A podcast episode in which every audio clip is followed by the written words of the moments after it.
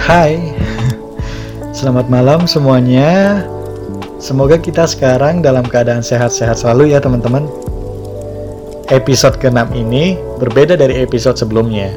Kali ini, untuk pertama kalinya ada seseorang yang dulu dia kakak tingkat aku guys pada saat kuliah. Dan gila sih, orangnya emang pinter banget.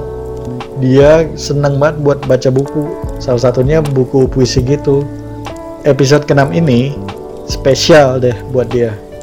Kali ini dia berkenan nih buat bacain salah satu puisi favoritnya.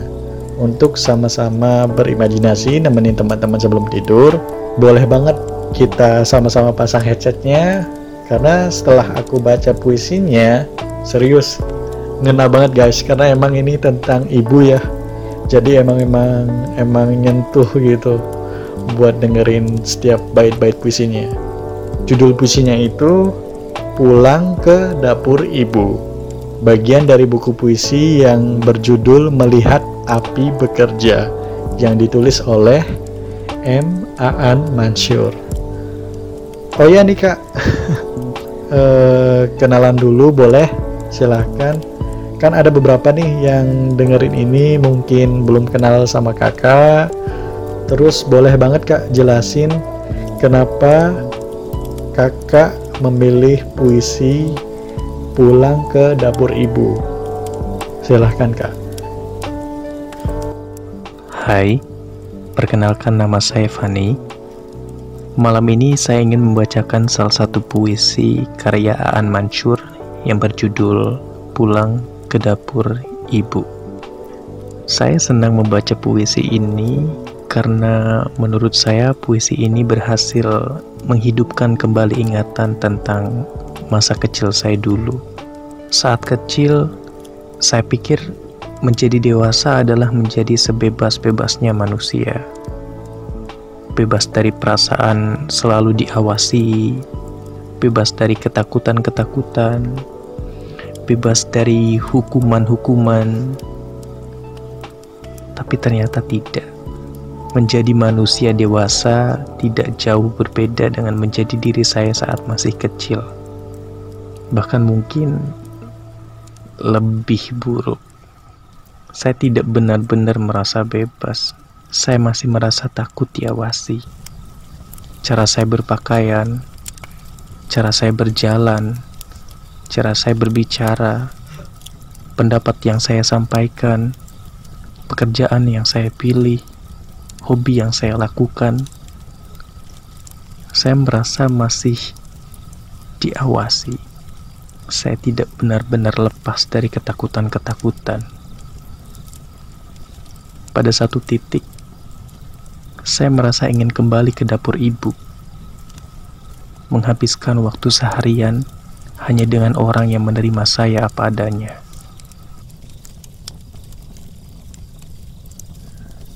Kak, serius. Kita berhasil dibawa flashback pada saat kakak jelasin kenapa kakak baca puisi ini. Apalagi pada saat kita dengar puisinya langsung gitu kan. Kak, mungkin langsung aja ya. Karena kita juga udah nggak sabar nih dengerin puisinya. Ini dia puisi yang berjudul Pulang ke Dapur Ibu, karya dari M. A. Mansur yang akan dibacakan oleh Muhammad Fani Al-Farisi. Selamat mendengarkan.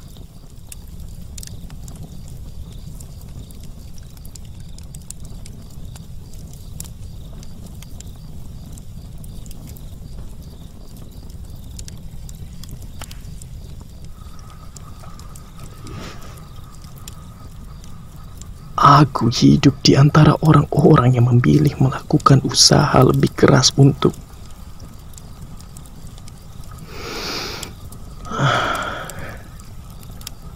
menyakiti orang lain daripada menolong diri sendiri.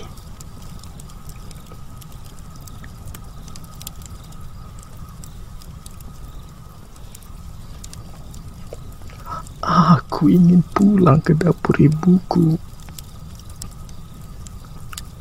Melihatnya sepanjang hari tidak bicara.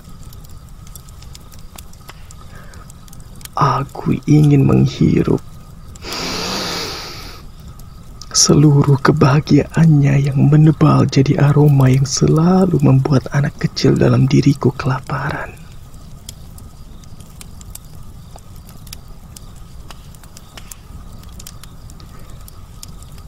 Aku ingin hidup dan diam bersama ibuku. Aku akan menyaksikan ia memetik sayur di kebun kecilnya di halaman belakang untuk makan malam yang lengang. Aku ingin membiarkannya tersenyum, menatapku makan tanpa bernapas.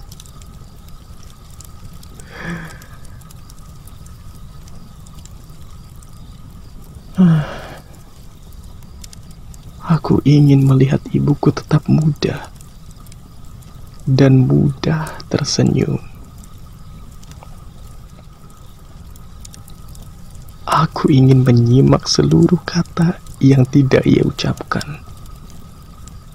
Aku ingin hari-harinya sibuk menebak siapa yang membuatku tiba-tiba suka bernyanyi di kamar mandi.